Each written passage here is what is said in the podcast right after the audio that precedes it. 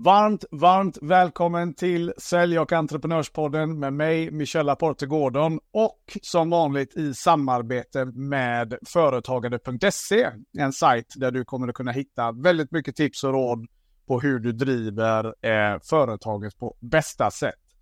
Idag är ingen vanlig dag, för idag har jag en eh, gäst som eh, jag har fått följa länge.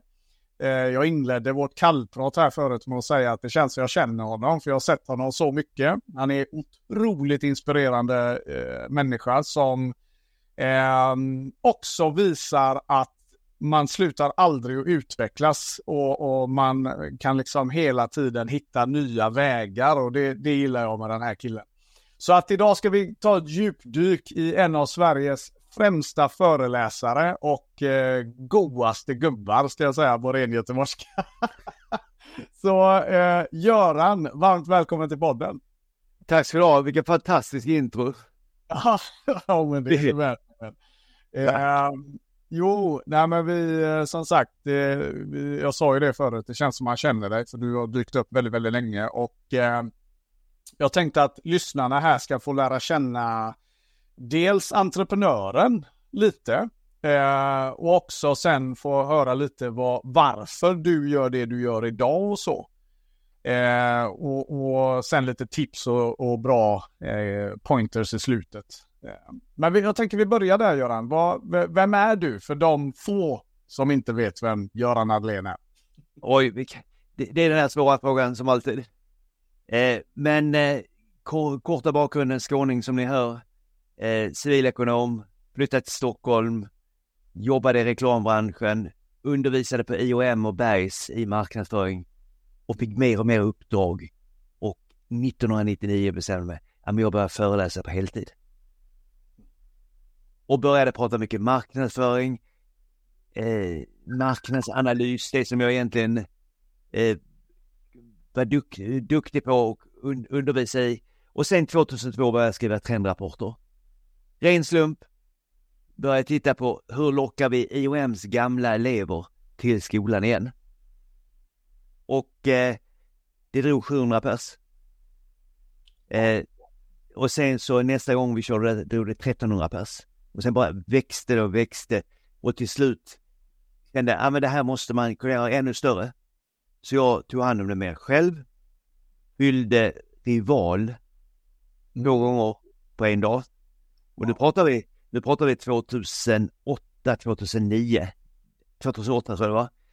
Eh, Göteborgs stadsteater, ja, you name it. Och sen så behövde jag expandera det ännu mer. Så jag fyllde faktiskt en och en halv gång Oscarsteatern. Med noll kronor i marknadsföring. Det är fantastiskt. Det, det, det gräver jag också. Ja, det ska, det ska vi göra.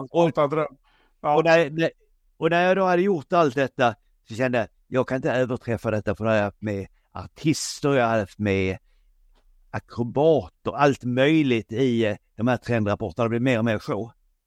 Mm. Så då bestämde jag mig istället att göra ett eh, format där jag körde under 12 timmar en hel dag ute på en kursgård i, utanför Stockholm på Lidingö, Högberg gård. Okej. Okay. Eh, och då kom en 70-80 personer och vi hade sådana här otrolig otroliga diskussioner. Och på den vägen har jag fortsatt. Och sen har jag kört lite light-versioner. När, när i tiden är vi nu? Um... Ja, men då är vi, då är vi framme vid 2011 ungefär. Okay. Eh, körde detta fram till pandemin. Yeah. Och då körde jag, och då hade jag bokat in allt det var klart från ny trendrapport och då körde jag en digital. Mm. Och sen nu kommer det komma en i november igen. Spännande. Skitskoj. Ja, men det, det, är det, det, är häftigt och du, du har gjort en, en, en sån där resa som ja, men de flesta konsulterna drömmer om att få göra. Eh, för att tala klarspråk. Jag menar det finns ju ändå en, beroende på hur man räknar, men en 300 000 eh, säger de ju i, i Sverige som eh, går under, under banderollen konsult på ändra sättet. Och, och eh, eller talare och, och, och, så vidare också. Och jag bara tänker på det här Göran, jag menar du, du, du började på IOM och, och, och som du sa då liksom där någonstans tändes det och det, och det, det fick en spin-off-effekt och allt det där. Eh, hur har din resa varit som företagare då? Om du skulle liksom reflektera bakåt. Du, allting har varit som en slump egentligen. Mm. Eh, halkade in på detta, hade tänkt att ja, men ett år kan jag köra som föreläsare, det verkar rätt kul. Mm. Eh, sen blev, har det varit ett totalt självspelande piano. Mm. Egentligen fram till pandemin. Det är ju där, där, där vad, vad beror det på då? Jag menar, vad, vad är den framgångsfaktorn? För ja, dels är det ju roligt att du säger slump, för det är ju väldigt vanligt att alla ska planera, planera, planera, planera. Och ja. Aldrig. ja. Ja. det finns inte någon planering i, i detta. det är jättekul. Ja. Eh, nej men orsaken är väl att dels kom jag in på ett ämne där jag var helt ensam till en början. Mm. Där alla som egentligen började prata om framtidstrender, de bokade in mig. Så jag var på alla de här liksom näringslivsdagar, you name it. Så fort det var någonting med framtid så var jag där. Hur kom det, du in på det spåret då? Ja men väl alltid var road av det. Mm. Och sen så satt jag då med dåvarande vdn på IOM och så tittade vi på vad kan locka för någonting. Mm. Och då kom vi fram till det här med framtid och trendspaningar. Och bara för att det skulle bli seriositet så blev jag kallad trendforskare. Just det. Ja men det... Ja. Och på den, tiden, på den tiden så var, jag är liksom civilekonom och då var jag en av de lägst utbildade i föreläsarbranschen. Sen, sen blev det liksom när, nu är alla föreläsare. Mm. Den har blivit en gigantisk stor marknad mm. som eh, kommer att bli tuff för de allra, allra flesta. Det har varit en... Jag säger, men ja. Ja. det, det, ja det, från början var det en fantastisk tid och vi är då ett gäng mm. som var med sedan den tiden. Ja. Som har haft liksom en grym resa. Mm. Tack vare att det var en liten bransch, stor efterfrågan. Mm. Alla kände till en. I den branschen. Och idag har den expanderat där alla liksom, varenda mm. politiker som slutar som politiker ska bli talare, idrottsman, idrottsmän eh, och kvinnor, you name it. Alla ska bli det. Alla ska berätta sin story, alla ska berätta om att de har någon diagnos, you name it. Allt, allt detta. Usch. En diagnos. Sorry. Ja, det, det, det, det, fingret på det. Ja. ja, men så är det liksom och, och då hör de av sig till mig och säger du, jag har ADHD. Eh, jag vill bli föreläsare. Jag vill bli som du. Mm.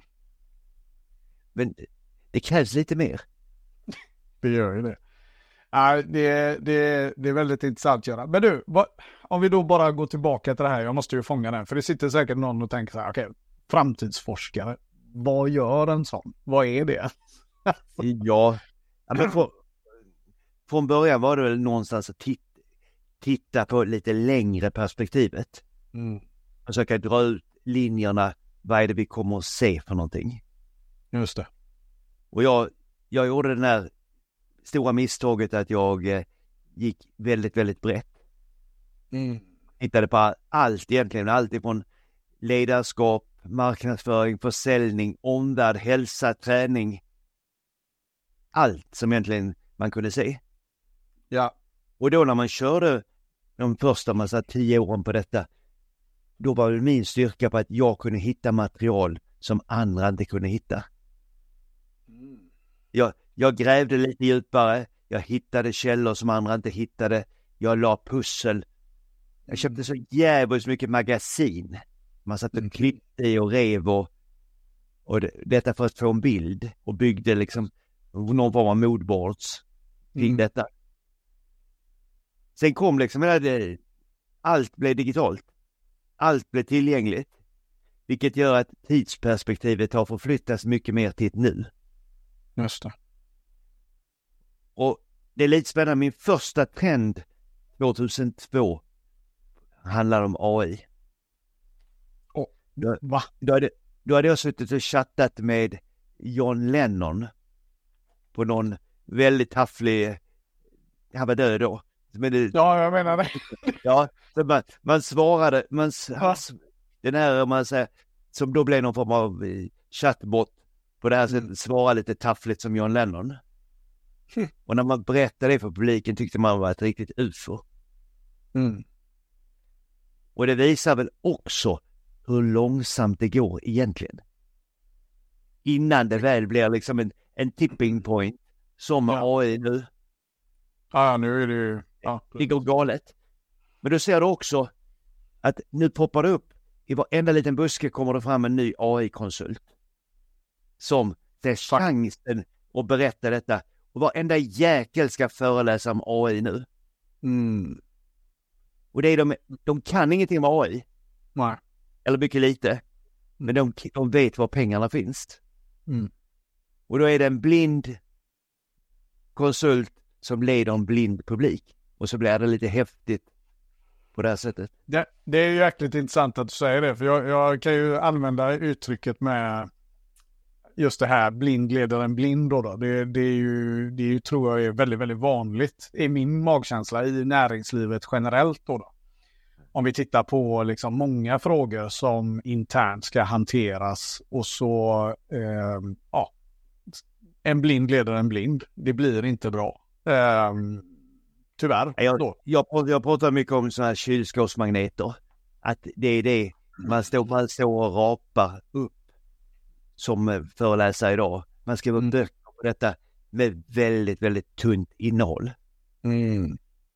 Många som pratar exempelvis ledarskap mm. har aldrig lett en organisation själv.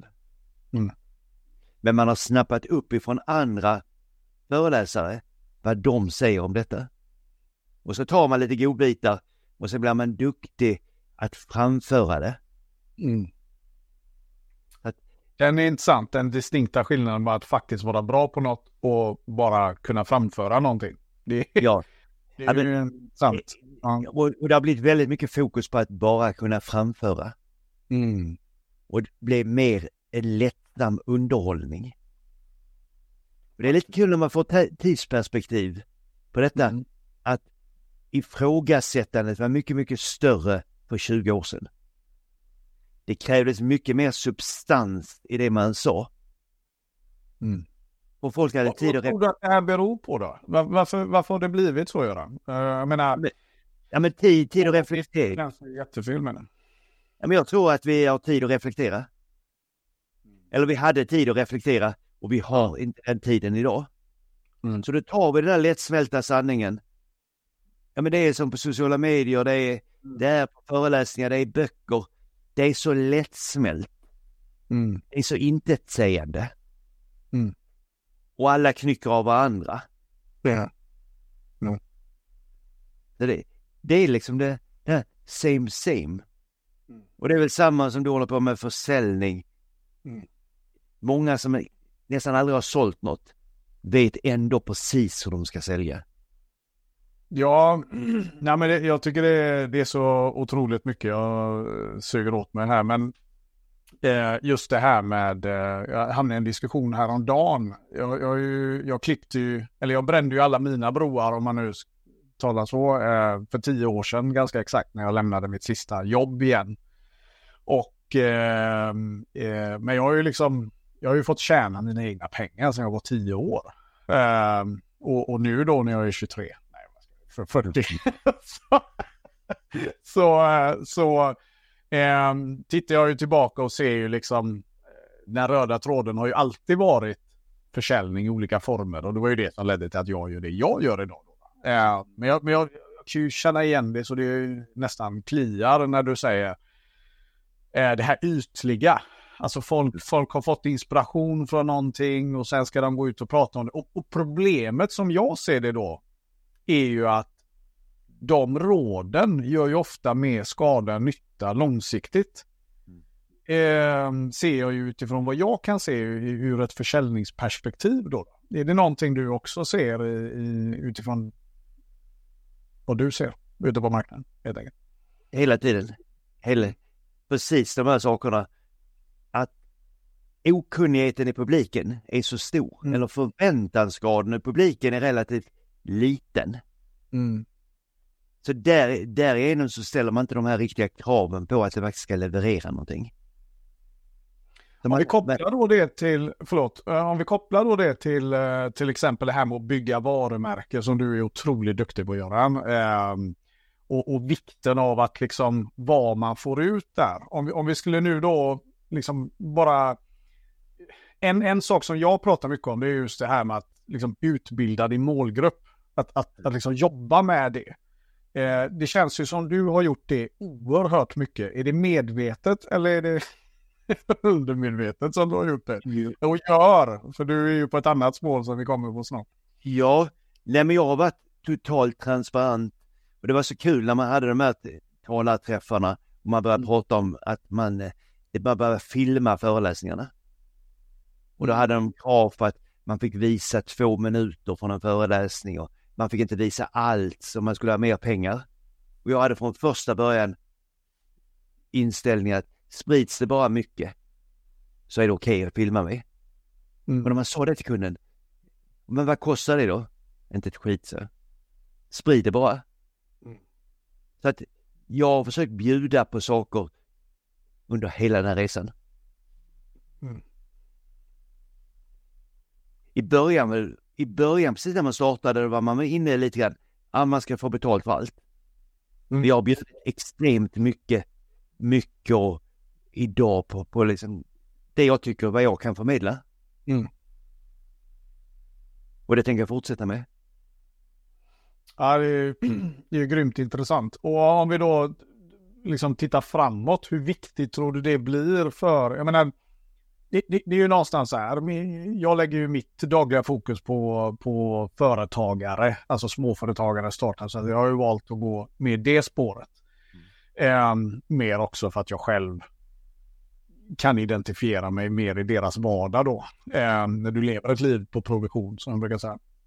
Och eh, jag menar om vi tittar då framåt. Ehm, vad skulle du säga är liksom ett par superviktiga egenskaper utifrån det vi pratar om nu. Att man har, att man ska tänka på då. då. För det är, det är väldigt mycket företag som lyssnar på den här podden. Eh, Eh, från det här. Ja men fra, framförallt ett ord som jag tycker är otroligt viktigt är äkthet. Mm. Att det, det, det man för fram är äkta. Man brinner på sakerna på ett äkta, äkta vis. Man gör det på ett äkta vis. Man är äkta. Man är inte någon annan. Mm. Man kopierar inte andra. Ja. Utan man försöker liksom hitta det på, på det här liksom. Man, säger, man gör legendariska saker Mm. Ja, men och man gör det, man gör det på sitt helt egna sätt.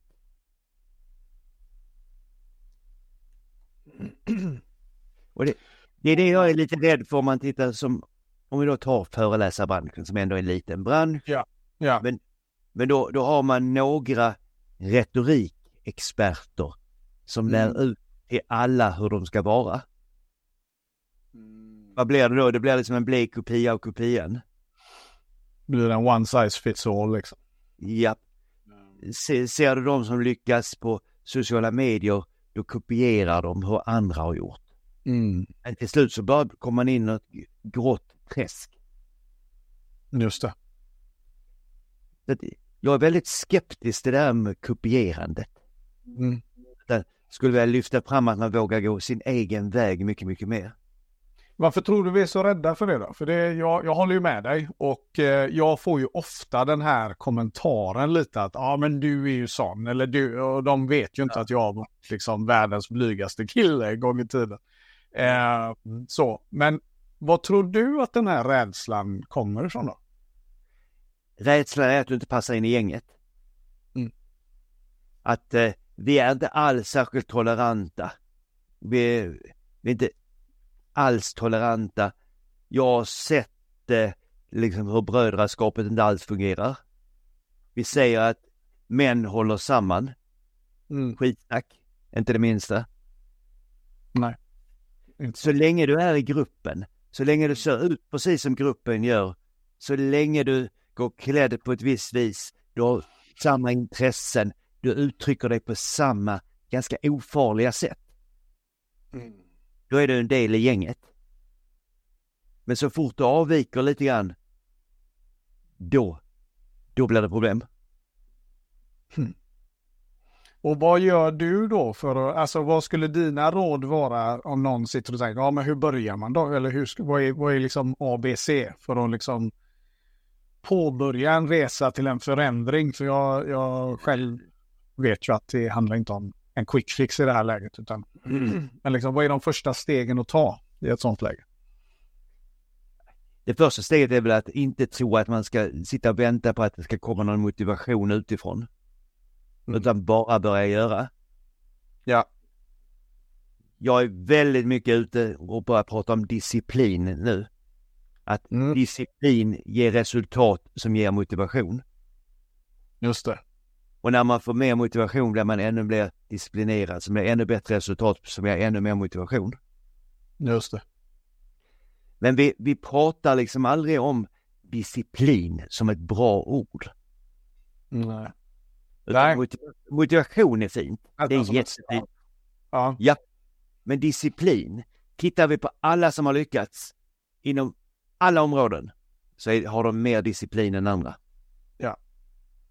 Och hur viktigt tror alltså jag, jag, jag försöker dra ut på att det, jag, vill, jag vill in där och grotta jättemycket. Um, och jag, bara sista där då, uh, innan vi går in på disciplinen och, och, och, för det går ju väldigt hand i hand med ditt nya kapitel där också med, med träningen. Men, men, uh, men uh, just det här, det jag är nyfiken på är också, eh, du, du är en av de som har lyckats hålla dig kvar i en bransch otroligt länge. Alltså så. Det, jag menar, jag har ju också sett, jag har varit aktiv på LinkedIn i ungefär tio år också. Och, Mm. eh, I näringslivet så länge jag kan minnas. Men eh, du är ju en av dem som jag anser, som jag också kan lyfta emellanåt när jag pratar om framförallt din generation. Hur du lyckas ändå hålla dig, eh, lö- liksom, du är ju mer modern än de flesta långt under min generation. Mm. Alltså hur, hur lyckas du förnya dig själv är väl vad jag försöker fråga. Och ehm, ja, varför tror du att det är så svårt att inte göra det? Ja, men jag, jag tror, varför det är svårt, tror jag beror på att du sätter något likhetstecken med, med din ålder, hur du ska vara. Mm. Och då går du in och spelar rollen som 50-åring, som 60-åring, som 70-åring, som 40-åring. Du spelar Mm. rollerna, för andra 60-åringar gör så här. Och det är där jag liksom har totalt ignorerat det och Mm. gör bara saker som jag är intresserad av. Jag bryr mig inte Ja, om det- det. Man. Jag bryr mig liksom inte om min ålder. Har det alltid varit så? Göran? Ja men lite, ja men jag tror det. Ja. Jag, jag, nog Var gått min kommer det ifrån? Jag menar, har du haft det runt dig då? Eller var, var kommer det ifrån? För det, det är ju ändå... Ja, det, det får man ju inte bara så där tänker jag, utan Nej, lite influerad längs vägen av någon, eller vad, vad kommer det? det är, det är mycket möjligt att jag har blivit influerad. Lite kul, min pappa, han, han dog för ett eh, år sedan precis. Oj. Och han blev, han blev 99. Han skulle fira 99. Oj. Men, Ja. men han höll sig väldigt fräsch och ung. Han, Mm. han, dog, han dog liksom mitt i livet. Pigg, frisk igen. Egentligen han fick en blodpropp i lungan. Jaha. Så det bara, det blev den snabbaste döden. Så han gick från eh, duschen till, till eh, dricka kaffe ute i köket. Oj. Och så bara, Gud, Så att- det kan gå fort alltså. Ja. det kan gå extremt fort. Men, jag, men han hade lite grann att, ja men då när han hade fyllt, över, säg att han var 95. Och de frågade hur gammal han var. Så sa han alltid, jag har fyllt 65. ja, det är underbart. Så, så, men varför sa du så? han. Ja, folk har så mycket fördomar. Mm. Och jag tror han fångade lite grann det här åldersbegreppet. Ja. Folk har så mycket fördomar. Men om vi går eh, liksom, och, och, och tillbaka till det då. Varför tror du att det är så många som igen fastnar i, alltså i, i, om man tittar bara rent utvecklingsmässigt då, då. För jag, jag ser ju många föreläsare och som du säger, det finns, det finns ju många som också har varit duktiga. Alltså de hade sin storhetstid eh, lite så, men någonstans ser man att nej, det är på repeat liksom. Det händer inget. Och med dig får man ju nästan springa för att ens komma ikapp. Om man har varit ifrån ditt, så, alltså ser man inte det på sex månader i sociala medier så, så är det ju, det är natt och dag emellanåt. Eh, vad är det som gör att många fastnar tror du i, i, den, i den utvecklingen? Om man ser det rent så. Snabba svaret, lättja. Mm. Det, det, är väl så att man, man vill inte utvecklas. Man, om man tar föreläsare så hittar de ett material som funkar väldigt väl. Mm. Sen kör de det materialet under lång tid så blir det ännu bättre. Man finslipar under, under vägens gång. Och sen går det väldigt, väldigt bra. Men så dalar det. Och det, sen kan det dala rätt snabbt. Och det är många, vi har hört det här så många gånger tidigare. Han mm. eller hon förnyar sig inte det minsta. Mm. Det är också de som är räddast för att synas eh, på eh, Youtube och liknande. Mm. Det, det gäller komiker, det gäller eh, Intressant. Mm. Ja, stuppare som kör samma skämt hela tiden. Ja. Så det, det gäller hela, hela tiden att förnya sig och fånga nya saker som händer. Finns det något ABC även där? Alltså, ja, men har det gått så här lång tid? Inventera dig själv eller din verksamhet eller är det på känn eller har du något tips där i eh, som du skulle kunna dela? På känn igen. Ja. Det, det är lite Bara vara medveten tänker du eller? Bara, det är... bara, bara vara medveten. Ja. Och jag menar, tittar man sånt ämne nu som jag håller på med. Jag pratar AI också. Det ingår, mm. har ingått liksom i tio år i mina föreläsningar. Nu måste jag liksom uppdatera föreläsningen i princip var dag. Mm. det, händer, det händer nya saker. Oerhört spännande saker hela, hela tiden. Och sen blir, kommer det upp snabbt och det gäller liksom att fånga det. Mm. Ja, du, du är en, eh, det är intressant ändå hur du... Eh, man, man vill, jag vill ju nästan höra, ja men jag var med om det här och, och jag blev inspirerad av det där. Det här klassiska märker jag att jag letar efter när jag ställer frågorna. Men, men det, jag tycker det är så befriande att du, nej, det, det hände. Alltså, det, det, är liksom så man inte får svara tycker jag. Eller så här så, som många då nästan lite så här, va? Hade du ingen plan? Nej men jag, jag har inte haft någon plan med någonting. Däremot har jag varit duktig på att kanske fånga saker och ting i flykten. Mm. Och det är väl ett fantastiskt tips till många som lyssnar nu då att våga ta till er det att, uh, att uh, det, det, går även det. Och, och, många gånger går det väldigt, väldigt bra också. Uh, ja. Om man bara vågar lita på det då. då. Mm. och så våga, våga slakta idéer. Mm att man håller fast många gånger för länge i dåliga affärsidéer. Man hoppas vändningen ska komma. Ja. Det kan jag tänka mig, eller det vet jag är ju ett, eh, ett startup, eh, en startup-fälla men också självklart traditionella bolag. Jag menar hur många, så, ja, Nokia. alltså, ja. det går inte längre. Um, man, man rättfärdigar på något sätt sin affärsidé så länge och hoppas att det ska vända. Mm.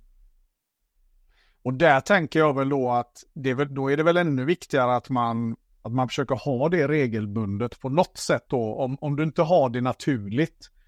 Att sätta en struktur som tvingar dig att reflektera på marknaden och vad händer framåt och är vi relevanta? Liksom, det är de tankarna jag får nu när jag pratar med dig Göran. Att, att, har jag inte det här du har som, som har den här vibrationen inom dig menar jag att, att känna in det eh, att man skapar sig en struktur som tvingar en att sätta sig ner och göra de reflektionerna. Skulle det kunna vara liksom en, en fair... Ja, ja. Och, du, du, och, fram, och framförallt måste du vara nyfiken. Mm. Du måste vara nyfiken på vad som händer för någonting. Ja. Vad, vad är det som sker på marknaden? Vad är förändringarna? Lägga samman pussel och mm. liknande. Det, det är det jag försöker göra och försöker ifrågasätta. Lite grann, håller precis nu på att göra en ny föreläsning som man kallar för Drömarbetsplatsen. Mm. Wow. Och, det, okay. och, det, det, och där ifrågasätter jag väldigt mycket för att efter pandemin mm. så är det väldigt många man ska gå tillbaka till det gamla. Men vi glömde att det gamla inte fungerade särskilt väl. Då hade vi problemet att vi skulle ha, var vi föreläsarvärlden, då var det omgiven av idioter. Vi skulle hantera, hantera besvärliga människor. Vi har Mm. pratat arbetsglädje på längden och bredden och tvären. Lik förbaskat så har vi inte få uppnått den här.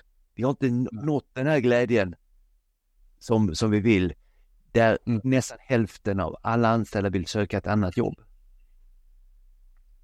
Ja. Då, då måste man hitta, hitta andra vägar. Mm. Det är det jag försöker göra i den här, den här föreläsningen. Hitta andra vägar, ge inspiration och tänka på ett annat sätt. Just det. Ja, det, det, det är superintressant. Um, och, och jag känner att eh, bara här skulle jag kunna eh, fortsätta en bra stund till. Men jag tänker att vi, vi, vi lägger det här med trenderna och, och det här lite i en låda. För jag är så sugen på nästa grej då. Ehm, och så går vi tillbaka till det här med disciplin som du pratade om. Så får det bli uh, dörren in till träning och hälsa. Och, ehm, för det, det är någonting som jag, det var nog där jag kände så här, okej han, den här killen är verkligen på riktigt alltså. För att eh, jag har hört mycket kloka saker där ute. Men när man ser en sån förändring då fattar man okej, okay, det, det, det, krävs enorm disciplin. Jag har ju tränat karate i 30 år, fullkontaktkarate och eh, Mm. fortfarande väldigt aktiv. Jag, jag sitter med långärmat men eh, ska vi se, eh, ser ut som en julgran. Ja. ja. hade en sparring igår kväll. Um, ja, men det, är, det är en stor passion och det har varit svårt emellanåt att förklara, tycker jag, det här med eh, disciplin. Eh, att, så, det, så det var någonstans, jag, jag började ju direkt liksom skrika högt och, och stötta när jag såg dig börja göra de här grejerna. Men, men det här med disciplin då, då. Varför är det så laddat negativt? Varför, varför är det negativt laddat? Vet, vet inte, men jag tror att det blir ännu mer laddat just nu när vi hela tiden ska bli dopaminkickade på allting. Det- Det ska vara nya upplevelser på allting. Vi ska inte ha så mycket rutiner, vi ska nya, uppleva nya saker på allting. Men så ser man någon som verkligen lyckas. De, Ja. de är extremt disciplinerade. Och vad säger du till skeptiken kring det då? För jag kan ju se, och det har du också sett garanterat på, alltså folk ska göra sig lite roliga på det där. Ja. Och varför har vi det? Varför gör vi så? Vet inte. Jag, jag, jag hoppas att det, det börjar faktiskt skrivas lite mer om disciplin nu. Mm. Det börjar komma upp lite sådana här, lite inlägg på LinkedIn och liknande. Där man, där man pratar om disciplin utifrån ett annat perspektiv. Och det är väl också när man har börjat titta på de som verkligen har varit framgångsrika. Så är de disciplinerade.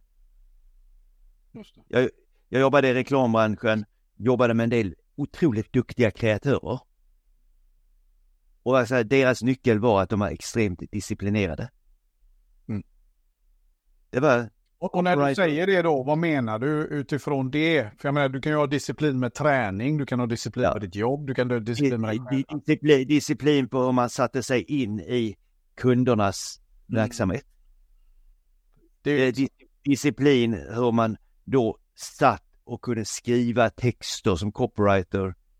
Eh, man gjorde det, man bara skrev. Det är inte världens glamorösaste jobb. Sitter man och väntar på motivationen och inspirationen ska komma, då tjänar man inte mycket pengar. Mm. Man gör det. Författare som har lyckats har liksom byggt upp det genom att eh, avsätta så här många timmar för att skriva, så här lång väntan, skriva igen. Mm. Jag tror, går vi till eh, Zlatan, Duplantis, alla de här, så är antagligen de mer disciplinerade än vad vi tror. Men vi får, ett- vi får liksom intryck att de tar ganska lätt på saken.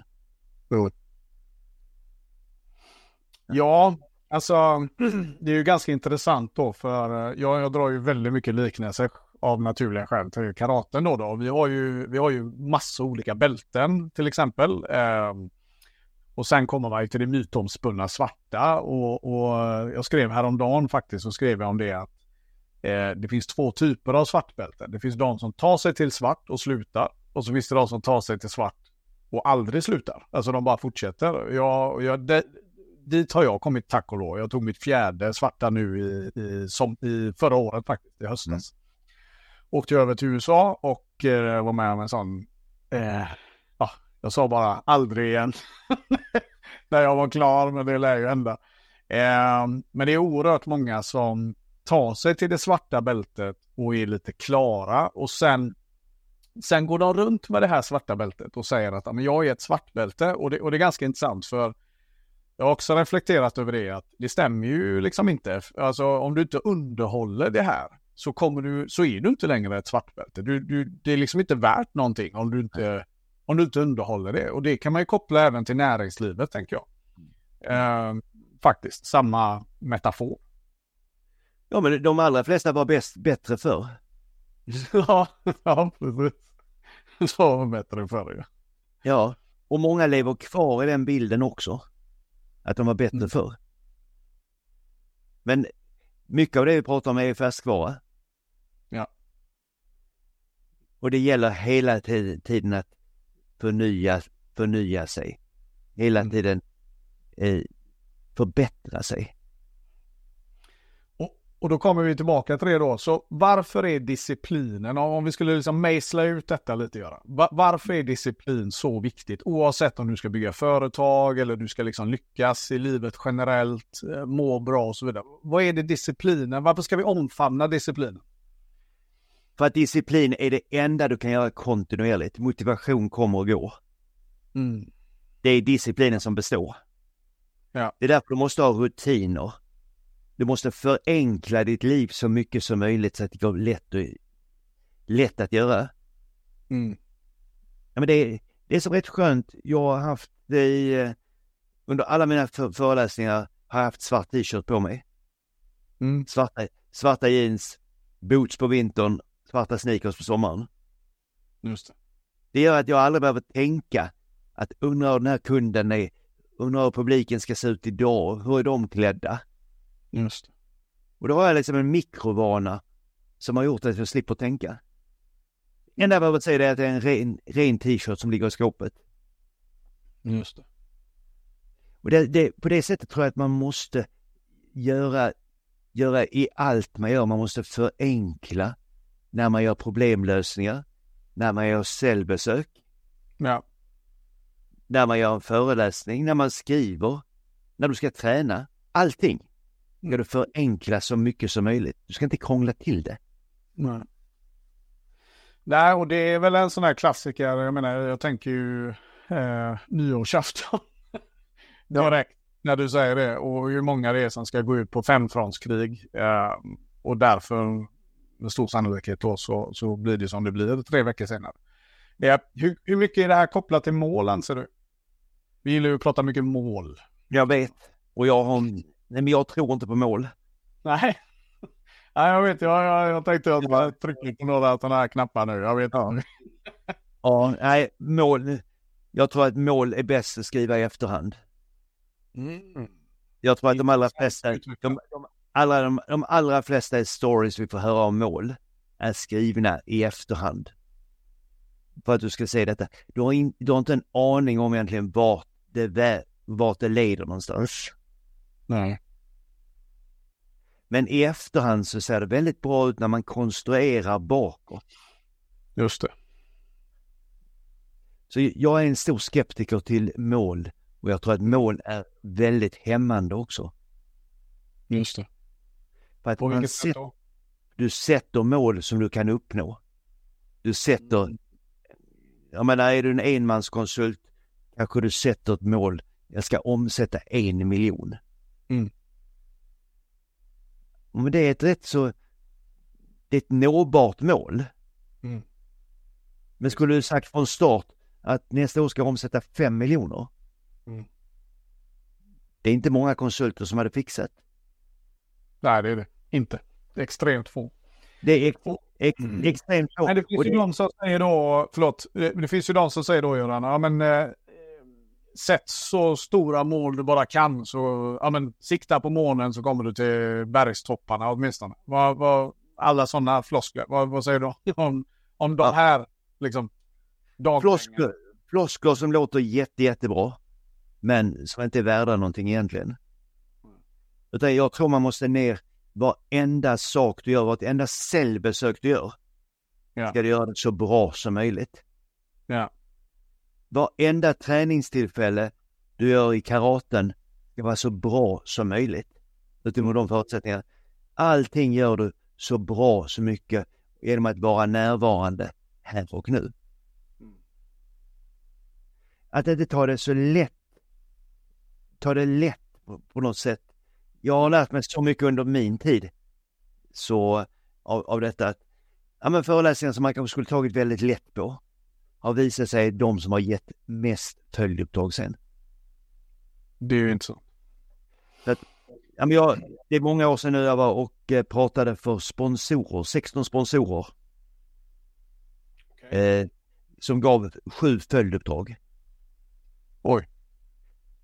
Samtidigt var jag då ute med en turné med Henrik Schyffert som en här eh, förmedlare hade arrangerat. Och jag tror att vi drog, vi drog jättemycket folk på detta. Mm. Gav noll följduppdrag. Okej. Och det var ändå var, ändå var 5-6 tusen som var lyssna på oss. Jag fick inga, ingenting jag kunde härleda till det. Lite som ehm, likes och, och kunna omvandla det till business. Eh, om man tänker digitalt på det du sa nu. Ja. Det, det spelar ingen roll hur många tummen upp du får om du inte kan omvandla det överhuvudtaget. Det, det har jag varit med om. Jag, jag har haft influencers som har ringt mig och liksom, de kan ha flera hundratusen som följer dem i sociala medier men de kan inte betala räkningarna. Nej. Eh, men, eh, men, men om vi går då till, tillbaka till det här, för jag menar disciplin, mål. ehm, du, du gjorde ju en jätteomställning eh, med livet, är väl fair att säga, eh, med din hälsa. Och var det, jag menar, okej, vad hände och var inte det ett mål du fick då eh, i det läget? Jag börjar med, vad hände? Det är jag lite nyfiken på. Ja, det undrar jag också. Eh, nej, men det var väl ett sammantaget efter då eh, alla de här åren på vägarna. Så hade man väl blivit en rätt stor person. Ja. Eh, fick ett antal indikationer på, på detta, liksom läkare som började prata om att du borde medicinera mot början till sån här prediabetes, eh, blod, lite sämre blodfetter, lite högre blodtryck. Mm. Ja men, och så, och det sa jag till läkaren, jag tackade för hans råd, men nej tack. Så jag ska, och det ska, sa jag till honom också att jag bara visade att du har fel. Mm. Jag visste att, ja. Eh, och sen eh, såg han väl en spegelbild som inte var den man skulle vilja se. Och så hade han en väldigt försynt sambo som påpekade att eh, du borde nog eh, ta tag i det här. Men, men inte, inte pushigt på något sätt. Nej. Men- Utlösande faktorn var nog att hon en morgon sa de här sakerna till mig och jag verkligen liksom ilsknade till. Mm. Och då tänkte jag, fan jag ska visa dig att jag fixar det här. Mm. Så, så började egentligen. Än en gång slump. Kom rätt, rätt, rätt tid. Hade bara digita digitala föreläsningar på den tiden. Hade mycket, mycket tid. Ja. Och jag, jag har faktiskt ändå tränat alltid. Varit på gym, Mm. tränat, kan, kan träning rätt bra. Och sen så märkte jag att när jag fick rätt så bra resultat, hade inte satt någon mål, mål med detta utan körde på, började må bättre och bättre. Och sen eh, fortsatte på detta och sen så la jag ut ett inlägg på LinkedIn Mm. om det här att jag hade ledsnat på att vara gubbe. Så att, Ja, men jag tror jag minns detta Ja. inlägg. Ja, ja, ja. det Jag fick, eh, ja men den fick en jävligt massa reaktioner tror jag. 260 000 visningar och sånt där. Det blev väldigt mycket och det blev väldigt mycket diskussion och man fick lov att säga de här sakerna på LinkedIn. Ja, men jag, jag, jag tog då en bild som kanske inte var så här totalt politiskt korrekt med mm. en eh, triceps. Mm, ja, men det kommer ja. jag minns. Ja. ja. Och, och det fick massor med kommentarer, ganska elaka kommentarer. Till och med en del näthat på detta. Men vad är det som gör detta? Alltså jag förstår inte psykologin och du som ändå har jobbat så länge, du har varit i det offentliga rummet, du har koll på det här med trender och beteenden. Vad är det som gör att en bild på en tricep kan trigga folk till att bli så arga? Vad, vad, liksom, vad är det? men det är väl mer att de känner sig själva att man borde. Ja. Så är det någon som visar att man, man gör det. Mm. Och då blir det väldigt provocerande. Mm. Så att det, det, än en gång slumpen. Jag hade en viss, ja. viss vånda. Märkte att här finns ett enormt intresse. Och plötsligt började, så började plötsligt det snurra igång på allvar. Men, men någonstans så har du ju liksom, du bestämde ju dig för att, vad var det, gå, eh, börja, alltså till och med tävla i fitness. Eh, ja, men det, det var, också, det, var också en slump. Okej. Okay. Du, du, du kommer inte hitta någon plan på någonting. De försöker, men det går Ja.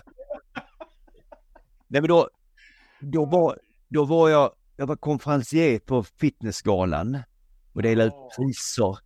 Ja. Och eh, sitter och pratar i logen med eh, han som är projektledare och berättar att jag tränar ganska mycket och då hade jag kommit, börjat komma i rätt bra form. Mm. Och när jag ska bli avtackad då brukar man liksom få en flaska vin eller eh, någon sån där eh, blomsterkvast. Men då säger han, nej men du har friplats att tävla på Lucia-pokalen nästa år.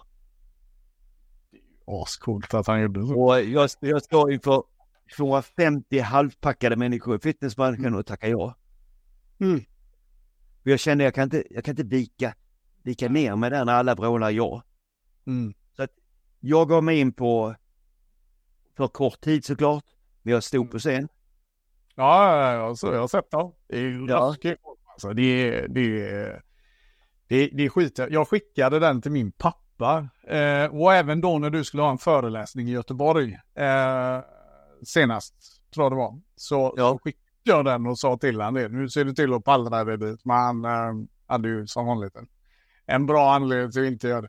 Äh, men, äh, ja, jag kommer av med det lite. Men, men det, det, är fortfarande så häftigt att du, att du gör alla de här grejerna. Och eh, just det här att det här med att bygga en identitet, det nämnde du också här förut att, ja men eh, när vi kallpratar lite, du, mm. du har ju haft en identitet då, då som liksom trendspanare återigen och liksom du har en expertis och så gav du dig in i hälsa och började prata mycket om hälsa och framförallt hälsa för äldre män, vilket jag tycker är så otroligt uppfriskande för det är allting ska vara liksom i yogabyxor och eh, 20-åringar, men, men jag gillar att det kommer från andra hållet också.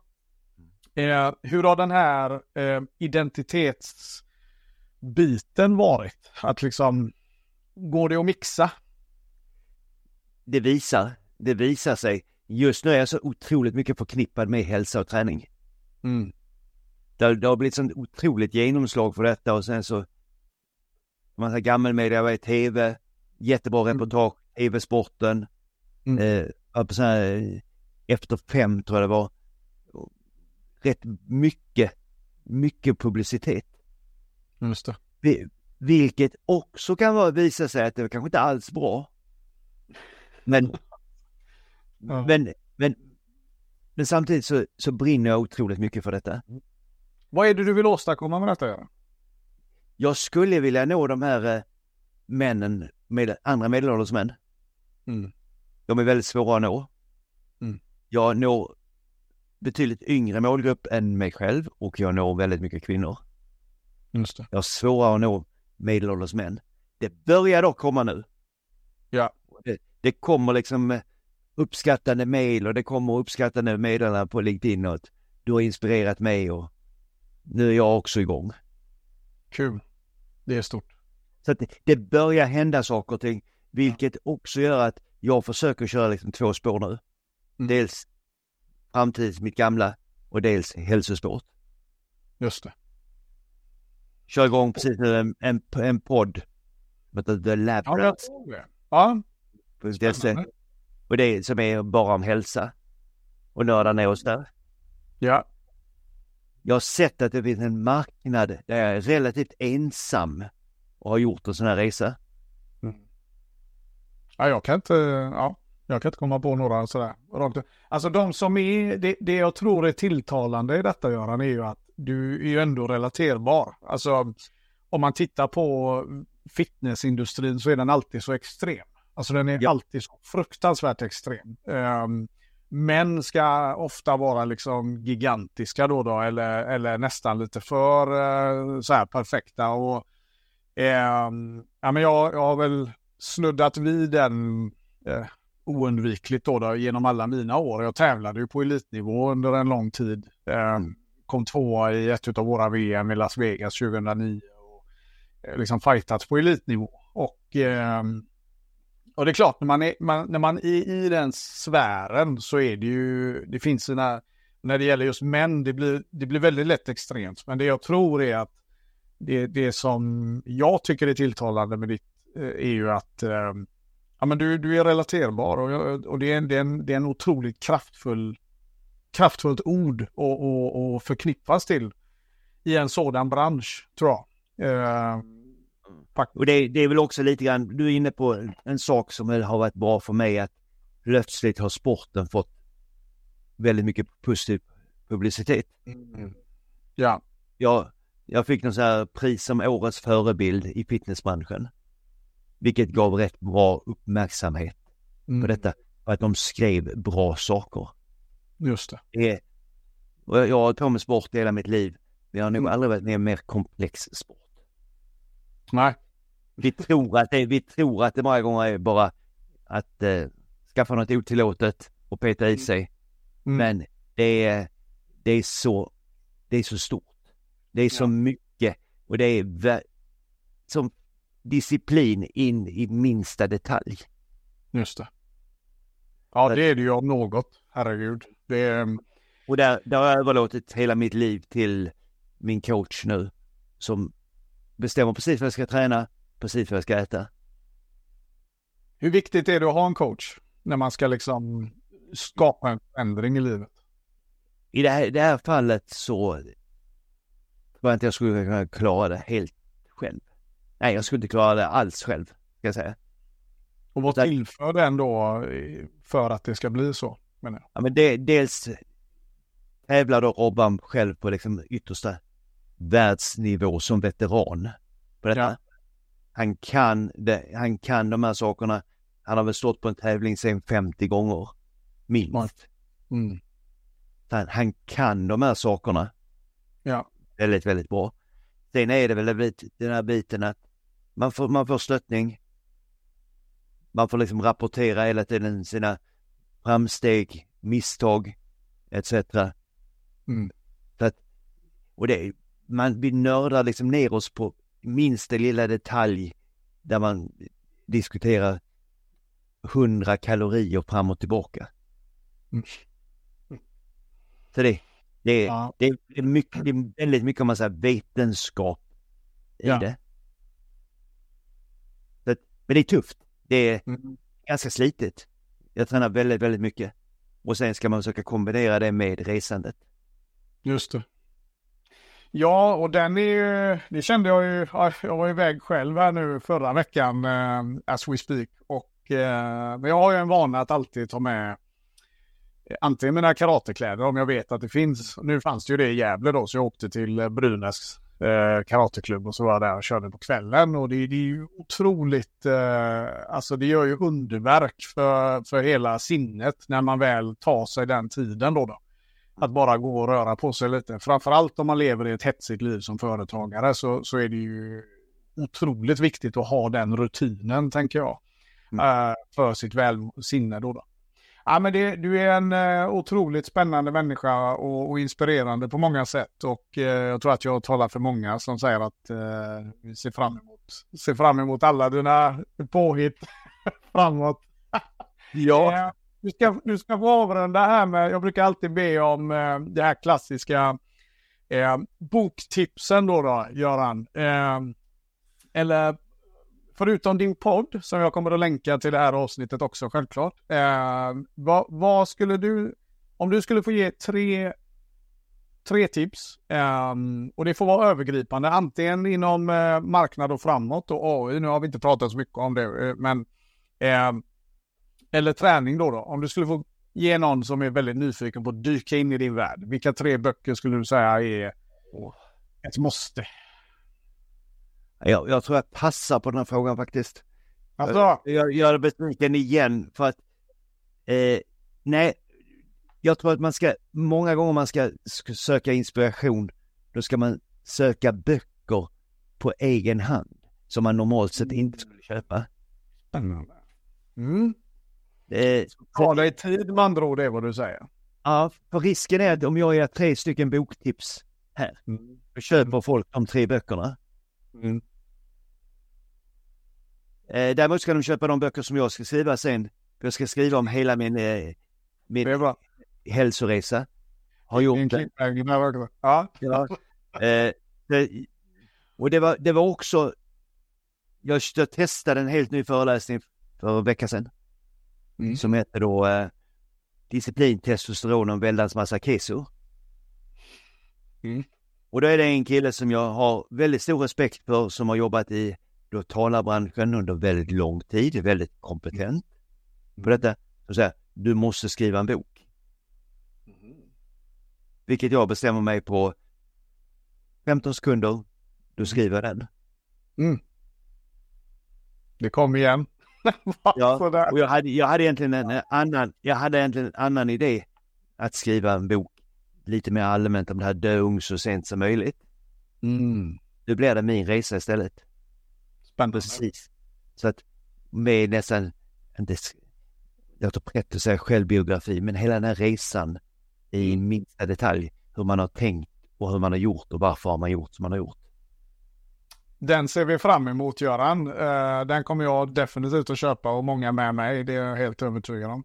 Ja, men jag, jag, skulle vilja summera detta med många takeaways jag har skrivit så det har brunnit i, i pappret här eh, bredvid mig. Och eh, ja, men jag gillar just det här med äkthet. Du, eh, det här du har tagit upp om eh, jag gillar meningen gör något legendariskt. Den, den gillar jag. Den, den kommer jag verkligen att, att ta med. Eh, och, och, just det här med målen som du pratar om, liksom hur mycket det egentligen efterkonstrueras som ett mål, men i själva verket har det säkert varit, som du är inne på, att det har förmodligen bara hänt i en följd av olika saker. Då, då. Men framför allt det här med disciplinen. Jag älskar att du eh, är en, eh, en eh, jag försöker säga något bättre än krigare, men du, jag gillar att du, du tar upp det och, och jag tror att det är friskt i en värld där alla letar genvägar. Att vi vågar prata om det ännu mer, att vi har människor som har starkt inflytande som tar upp detta. För att vi ska liksom gå in i en eh, icke instant reward beteende då, då och faktiskt våga bli bra på någonting. Mm. Det är något jag tycker du symboliserar. Att man vågar bli bra på någonting. Man har disciplin och tålamod Eh, och så ska man göra något legendariskt med livet. Då. Nej, helt underbart Göran. Jag eh, hoppas jag får träffa dig vid tillfälle fysiskt och, och ge dig en high five. ja. Och eh, ska definitivt försöka tajma någon av dina föreläsningar. Eh, jag tycker att det känns som att vi avrundar här eh, och så får folk eh, helt enkelt connecta med dig Göran på, eh, följ honom på LinkedIn, Instagram är riktigt bra. Där har du mycket inspiration. Är det någon annan kanal som eh, du tycker man ska? Nej, däremot så kan man väl följa mig på podden, thelabrats.se, som inte alls är en konkurrent till den här. Absolut inte och, och jag har inga problem med sånt utan Nej. Eh, som jag sa då, då, vi ska länka den eh, podden till det här eh, avsnittet. Så att eh, 100% så. Eh, och med det sagt Göran, jag är supertacksam för det här samtalet. Jag är så glad att få träffa dig egentligen också så här om inte annat. Och eh, så eh, till alla er som lyssnar, hoppas ni har tagit med er alla de här tipsen och råden. Glöm inte att ge avsnittet en massa, massa stjärnor och så gör vi så. Vi syns snart igen Champions. Ha det gött nu. Ciao, ciao. Tack, tack.